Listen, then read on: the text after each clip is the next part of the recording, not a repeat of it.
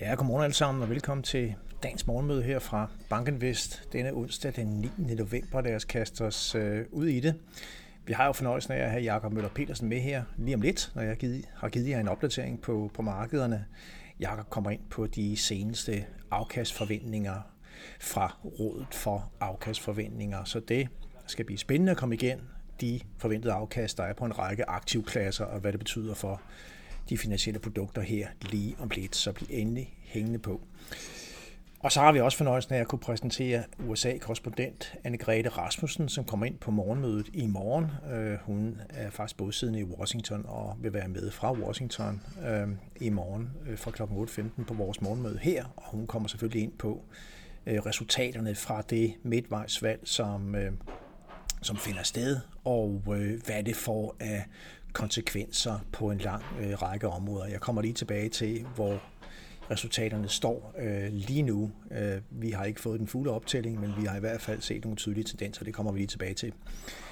I går på markederne, altså endnu en dag, hvor vi ser plusser på aktiemarkederne generelt. Tredje dag i træk på S&P 500 stiger med 0,6 procent i går. Øh, og vi ser sådan generelt jo en positiv tendens hen over de europæiske markeder også. Vi har for eksempel det danske OMX Copenhagen Cap Index op med hele 1,8 procent i går. Og øh, ser man netop på OMX øh, Copenhagen Cap Indexet, så er vi pt. nede år til dato med et kursfald på lige omkring øh, 16 procent. S&P 500 nede knap 20 procent, Stock 600 nede 13,6 procent. Det danske OMX øh, Copenhagen Cap Index har jo fået sådan et, øh, ligesom de andre markeder, har fået et ordentligt rebound fra, fra bunden. Øh, I Danmark der satte vi bunden i starten af oktober måned, og der var vi faktisk nede år til dato med omkring 27 procent i form af, af kursfald på det indeks. Nu er vi altså nede 16 procent, så en, en klar forbedring der sådan de seneste dages øh, bedre tendens på de amerikanske aktiemarkeder og øvrige markeder ser ud til at være trukket af, af forventninger om, at øh, republikanerne vil komme ganske stærkt igennem på, øh, på midtvejsvalget her, og der dermed vil være udsigt til sådan en form for deadlock i den amerikanske politik i de kommende par år, inden vi når frem til det super spændende store valg, der indebærer også præsidentvalget den 5. november 2024. Det talte jeg en del om i går, og har også skrevet om det i Markedsfokus, så det vil jeg lige referere til. På rentesiden øh, ikke sådan de store bevægelser. Vi ligger med en 10 amerikansk rente senest på 4,15 procent. Faldt lidt tilbage i går med en 8-9 basispunkter. Og øh, det er altså det er ret små bevægelser, vi ser på, øh, på de lange renter. De i øjeblikket ligger sådan og holder sig under de toppe, som vi satte øh, tidligere i oktober måned. Det gælder også de lange danske og, og tyske renter. I Danmark har vi en 10-årig rente på lige omkring 2,6 procent på, på nuværende tidspunkt. Det, jeg hæfter mig ved, det er, at vi faktisk ser noget volatilitet øh, på tværs af de finansielle markeder på vej ned. Øh, vi har jo på rentevolatiliteten set meget, meget høje niveauer her på det seneste. Øh, for eksempel repræsenteret ved det såkaldte MOVE-indeks øh, fra USA. Og der begynder vi altså at se en tendens til sådan et øh, tydeligt fald i rentevolatiliteten. Vi ser også på aktiemarkedet, hvordan volatiliteten her i form af VIX-indekset er kommet ned. Vi ligger senest på lige omkring 25 på, på, på VIX. Og den her, sådan, så, jeg vil sige, så dels den faldende rentevolatilitet, den ligger stadig høj, men den ser ud til at være på vej ned. Det er altså isoleret set understøttende for sådan resten af, de finansielle øh, markeder. Øh, meget høj rentevolatilitet øh, forstyrrer virkelig og skaber spændinger rundt i hele det finansielle system. Vi må se, hvor langt volden falder, om det er i hvert fald det, der udspiller sig lige nu. Midtvejsvalget i USA, status lige nu, det er, at når det gælder senatet, så er der altså virkelig, virkelig spænding på. Demokraterne har vundet 48 pladser, Øh, republikanerne har vundet 47 pladser. Jeg kommer lige tilbage til nogle detaljer der på den næste slide. Når det gælder øh, repræsentanternes hus, så ligger republikanerne som ventet ganske stærkt. De har nu 207 øh, ud af de samlede 435 sæder. Demokraterne har 188. Øh, det ligner en republikansk sejr her, selvom ikke ikke, at, at, at der, er, der er 100% sandsynlighed for det nu, men det, det ligner altså en, en, en sejr der. Så bliver der jo altså også øh, afholdt valg til guvernørposterne rundt omkring, og der ligger republikanerne også med, med lidt flere end demokraterne. Men øh, i særdeleshed i forhold til valget i senatet, så er der så spænding på, øh, hvis man kigger på kortet her på side 8, så er der nu øh, fem stater, hvor vi mangler at få øh, en optælling, og der er altså 100 pladser i senatet. Demokraterne har vundet 48. Jeg mangler to for at komme op på de 50, øh, som, øh, som de har siddet med frem til valget her. Stillingen har været øh, 50-50 i øh, senatet i de sidste par år. Republikanerne har 47 øh, vundne øh, pladser nu, og, øh, og der er altså optælling i de øh, fem øh, stater, som er markeret med sort her på, øh, på kortet. Og øh, nu har jeg lige været inde og kigge her på igen 538, det refererede jeg meget til i går.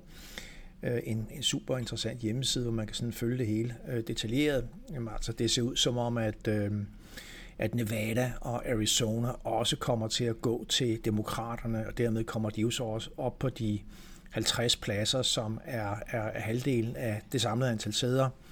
Øh, til gengæld ser det ud til, at øh, republikanerne tager øh, Wisconsin med ret stor sikkerhed. Der er alle stemmer næsten talt op, og også Alaska.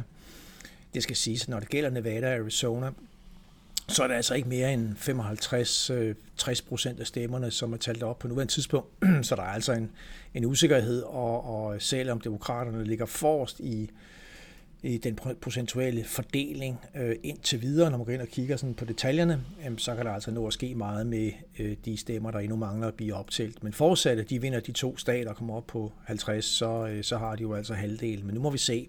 Og så er der Georgia, som, øh, som virkelig, virkelig er et close call næsten alle stemmer er, er talt op, med de to øh, kompetenter ligger simpelthen neck and neck øh, lige nu. Så, så det er med, med stor spænding, at det endelige udfald at resultatet til, øh, til senatet, det bliver, øh, det bliver imødekommet. Øh, så vi må se, hvad der sker, men under omstændigheder, så tegner det jo til, at vi får en som minimum en splittet kongres, altså hvor republikanerne tager repræsentanternes hus, måske begge kammer, og dermed så er der udsigt til et et dødt øh, momentum, øh, et svagt momentum i, øh, på en lang række politikområder, øh, i hvert fald indenrigs i de kommende par år frem til præsidentvalget slut øh, 24.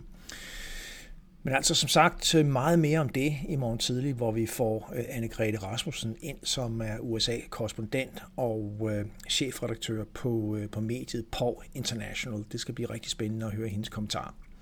I et helt andet hjørne, Inflation taler vi meget om i øjeblikket, og et sted, hvor inflationen falder tydeligt, det er altså i Kina.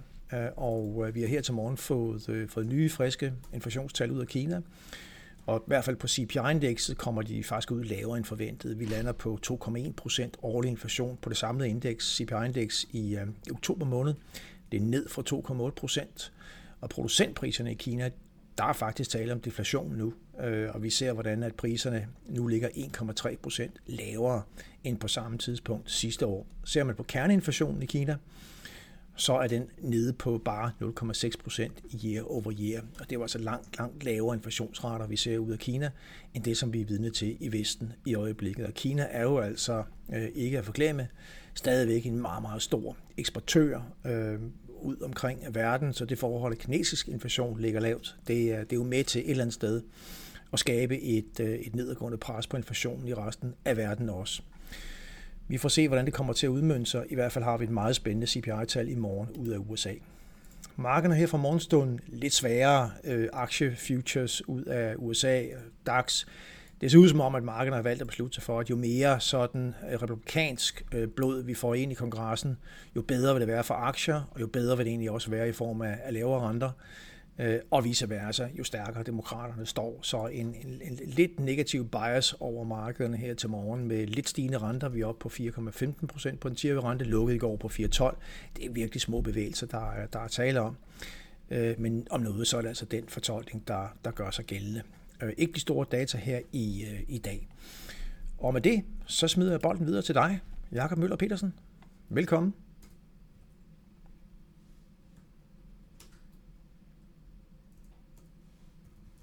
Det lykkes.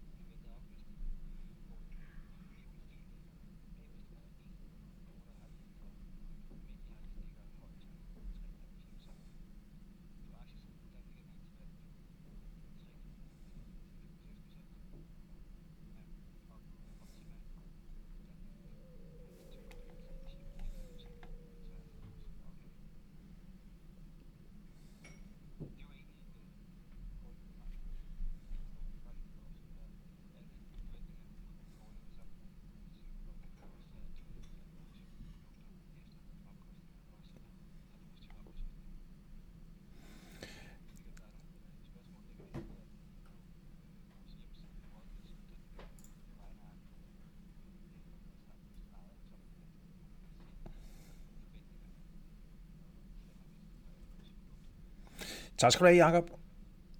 Ellers så kan man hvad? Undskyld.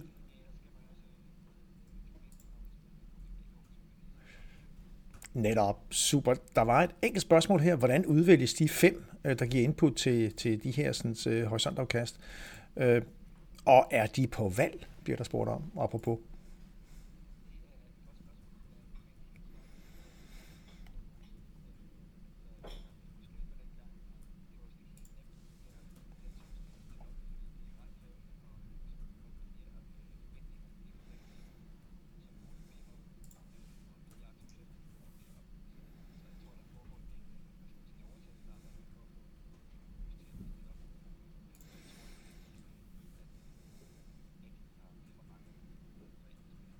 Netop. Tak skal du have, Jakob Møller Petersen, og øh, tak til andre derude, for at I var med her til morgen. Ha' en rigtig god dag. Vi er tilbage i morgen tidlig. Tak for nu.